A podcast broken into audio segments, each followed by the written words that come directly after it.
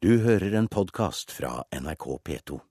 Nå skal vi ha Politisk kvarter, og regjeringen vil skjerpe regelverket for å sikre barn i norske barnehager flere pedagoger, programleder Sigrid Solund.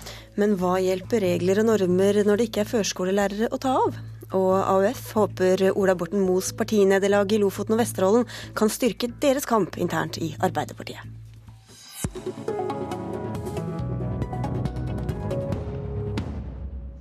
Regjeringen vil altså stramme inn på mulighetene for å få dispensasjon for kravet til pedagoger i barnehagene. Det er et av momentene i barnehagemeldingen som legges fram i dag.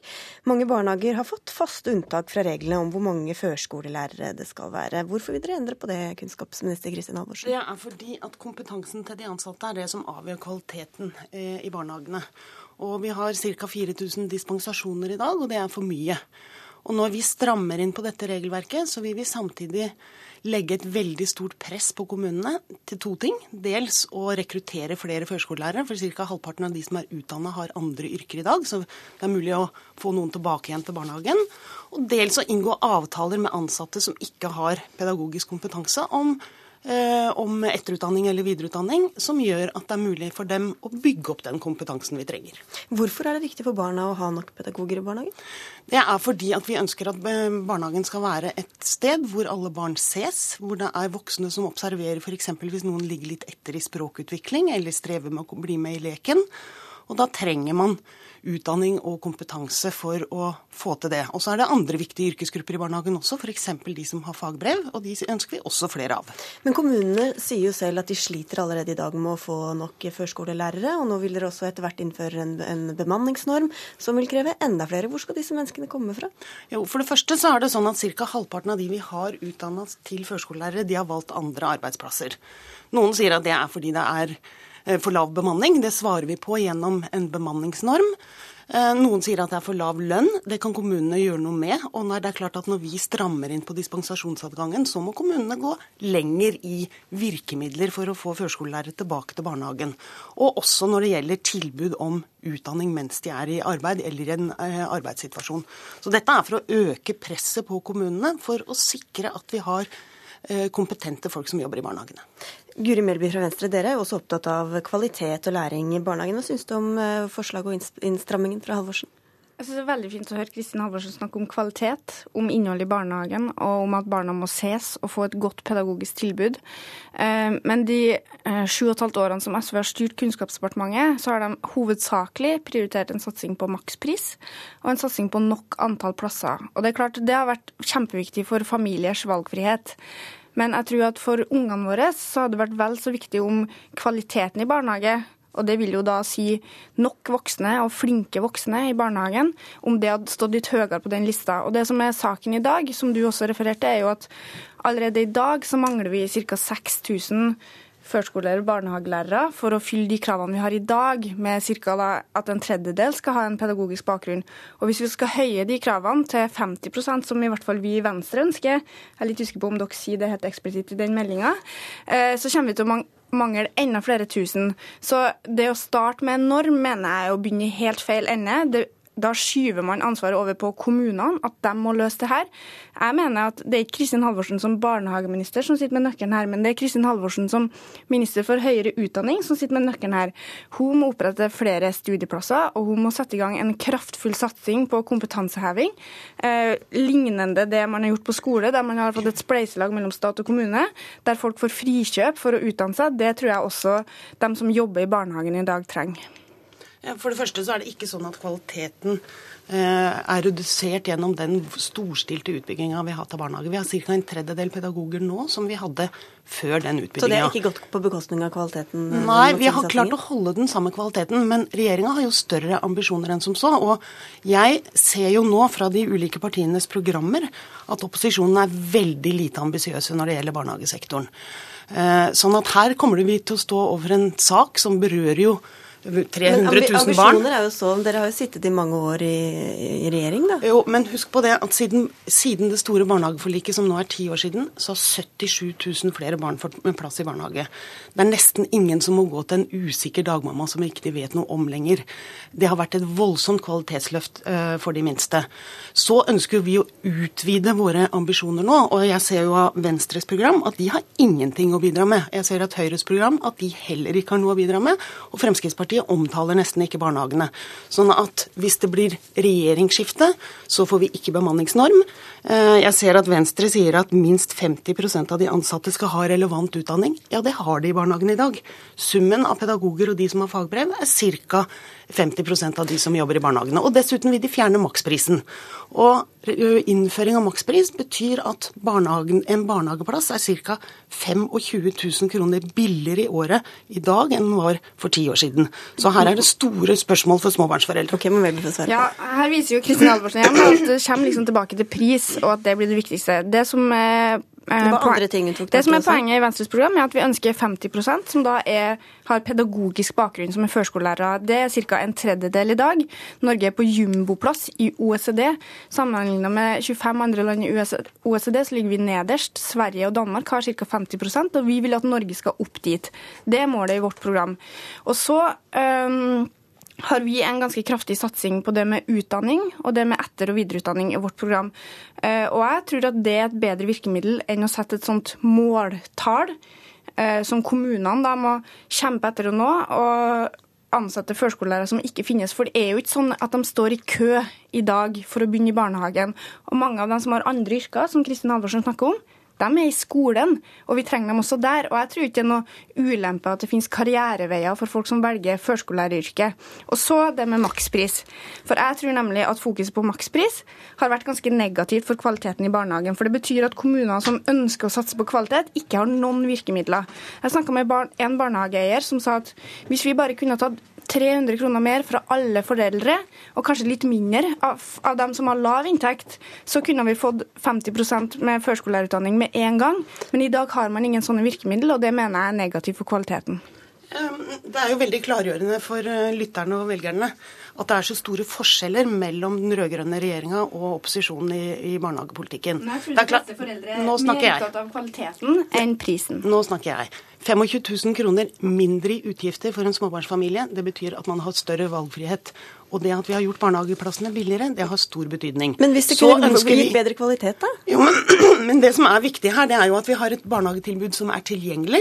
Eh, og det som er problemet til Venstre, det er jo at de går verken for bemanningsnorm. Vi har halvparten i dag med kompetanse i barnehagene. Utfordringen er å skaffe flere pedagoger. Men Kristin Halvorsen, jeg må bare spørre deg om dette med, med altså bemanningsnorm. Den skal komme innen 2020. Dere vil ta tak i dispensasjonene, men bare en liten del av dem, de som er faste.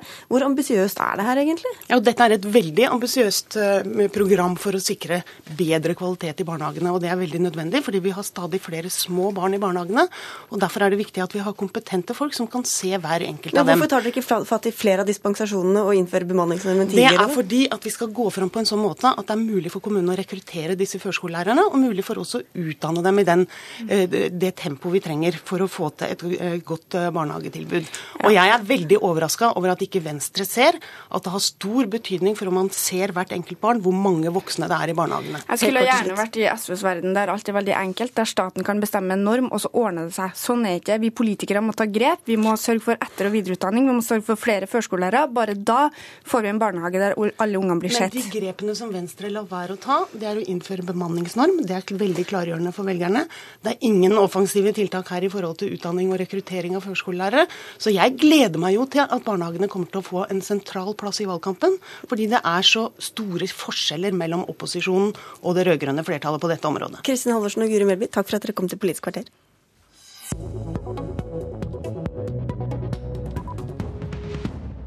Så til uenigheten om oljeboring. Min analyse nå etter at fylkesårsmøtene eh, er ferdig, er at eh, forslaget ikke vil få flertall på vårt landsmøte. Debatten på denne saken er veldig polarisert. Det er sjangerkrav som er et klart ja eller et klart nei, eh, og ikke noe rom for mellomløsninger. Olje- og energiminister Ola Borten Moe ser at han ikke får partiet sitt med seg på det han kalte et kompromissforslag om oljeboring i deler av områdene utenfor Lofoten og Vesterålen. Moner Jabbe, leder av Oslo AUF, i likhet med AUF sentralt, sier dere et klart nei til oljevirksomhet. Hva syns du om at Borten Moe nå flagger nederlag? Det er en eh, god nyhet. Eh, det styrker jo eh, kampen mot konsekvensutredning. fordi at det som er veldig viktig i denne saken her, om Lofoten, Vesterålen og Senja, er jo å være klare og tydelige og ha en tydelig debatt. Og det går jo på da enten for eller imot. Eh, og eh, vi mener at det ikke er plass eh, i fremtida for mellomløsninger. Her må vi gå helhjerta til verks og, og, ha en god diskusjon for å fatte viktige og riktige vedtak. Så dette gir dere et ekstra puff i ryggen inn mot Arbeiderpartiets Det gjør. Det var veldig gode nyheter. Dette kommer altså til å bli en hard kamp på Arbeiderpartiets landsmøte. Så langt har ti fylkeslag sagt ja, fem er mot og fire har ikke bestemt seg. Hva syns du om at den uenigheten ikke ble gjenspeilt i programkomiteens innstilling, der bare AUF-leder Eskil Pedersen var imot? Uh, aller først vil jeg si at uh, det viktigste i programprosessen, uh, når den starta og vi fikk forslaget, syns jeg måte, det, det, var mest innlysende at, at, AUF skulle stå på hva vi mener. så er det jo sånn at fylkespartiene og årsmøtene rundt om har jo hatt gode diskusjoner og fatta gode vedtak eh, veldig mange steder. Det er det vi må ta med oss til landsmøtet, hvor dette her kommer til å bli en veldig sentral og viktig kamp. Eh, hvordan vi da klarer å mobilisere alle gode krefter til å, gå imot konsekvensutredninga av Lofoten, Vesterålen og Senja. Du er veldig mild her, da. Hva tror du er sjansene for å få gjennom eh, deres syn på landsmøtet, da? Nei, nå har jo eh, fylkesårsmøtet Akershus og, eh, som fatta gode vedtak. Møre og Romsdal har det. Eh, Oslo har et eh, krystallklart vedtak på at vi ikke ønsker eh, oljevirksomhet i Lofoten, Vesterålen og Senja. og det er også Sør-Trøndelag. Så det er gode, så store fylkeslag som er tydelige. vi håper å få med oss enda flere. Jeg tror at det er en ganske stor sannsynlighet for å, for å å vinne. Og dette her er jo viktig å se i lys av også at uh, partiledelsen også får, uh, får se da, at, uh, at man mobiliserer, at vi er tydelige, og at det ikke er like klart om man skal bore, og det syns jeg er veldig bra. Og det, det, gir debatten mye mer tyngde, og jeg gleder meg veldig til å, til å ta de diskusjonene på landsmøtet. Politisk kommentator her i NRK, Magnus Takvam. Hvorfor tror du Ola Borten Moe flagger dette nå? Det er eh, for å ta brodden av nederlaget på selve landsmøtet, gjøre det på forhånd. Fordi det er bare to av Senterpartiets fylkeslag som har støttet uh, forslaget som Borten Moe uh, jobbet fram. Så jeg tror det er den viktigste grunnen. Hadde han feilberegnet hvor mye støtte han kom til å få? Ja, eh, Borten Moe så litt på for, den forrige gangen landsmøtet behandlet dette, og da var det et relativt stort mindretall som eh, ville gå for konsekvensutredning. Så tenkte de at ok, hvis vi lager et slags eh, første skritt, et, en mellomløsning, så ville kanskje det dra eh, flertallet i, i deres retning. Men de feilberegnet he, hele den, den, prosessen fordi motstanderne eller kritikerne av eh, oljevirksomhet i Lofoten og Vesterålen så helt klart dette kompromissforslaget som skal vi si, ja-sidens forsøk på å lure inn eh, deres linje ad bakveien. Så det førte egentlig bare til en eh, større polarisering innad i forhold til denne debatten. Nå fikk AUF og oljemotstanderne i Arbeiderpartiet litt ekstra piff inn mot Arbeiderpartiets landsmøte. Moner Jabber har tro på at de mm. lykkes, har du? Det er vanskelig å si. Jeg tror nok partiledelsen i Arbeiderpartiet ikke skal vi si, har mobiliserer kjempehardt for å presse gjennom sin linje uh, for enhver pris på landsmøtet. Altså vil de forsøke å jobbe for en eller annen type kompromiss. Og hvis de klarer det, hvis de klarer å overbevise de som er kritiske til en åpning nå, som har mer skal vi si, økonomiske argumenter og ikke nødvendigvis miljøargumenter og hensyn til fiskeri som argumentasjon, så er det mulig at de kan vinne flertall. Men det vil da AUF-erne, som vi hørte her, eh, peker på at f.eks. det å si at et landsmøte må eh, i mellomtiden si ja til eh, å åpne for eh, oljeaktivitet selv etter en konsekvensutredning. Den typen kompromissforslag vil de definere som, som uakseptabelt. Så det, der tror jeg debatten vil gå. Det var altså nesten helt entydig fra programkomiteen, og Jens Stoltenberg også gikk ut og støttet det. Hvorfor gikk de seg ut på banen, tror du? Jeg tror Stoltenberg og ledelsen så at uansett så ville Nordland, altså Arbeiderpartiet, eh, ha tatt opp forslaget på landsmøtet. Da ville de antagelig heller ha si, styring på det selv. Og det ville ikke være konsistent av ledelsen å late som de ikke hadde dette standpunktet på, på landsmøtet. Men de feilberegnet tydeligvis. Ja, og så vil jeg uh, bare si også at uh, det er sånn at når vi skal nå inn i landsmøtet, så er det jo uh, fordi at med, det, med, vårt standpunkt, da har vi jo de gode argumentene som klima, og det er veldig viktig at vi tar vårt, vår del av ansvaret. Når vi er ute internasjonalt og skal fremforhandle klimaavtaler, så må vi ha troverdighet, og da må vi også vise at vi ikke ønsker å øke aktiviteten på norsk sokkel. Så er det jo også den økonomiske delen med, med todeling av økonomien. en liten kommentar til kommentatoren til slutt der. Takk skal dere ha, Mone Riaber og eh, Magnus Tapkamp fra NRK. Politisk kvarter er eh, over for i dag. Mitt navn er Sigrid Solund. Du har hørt en podkast fra NRK P2.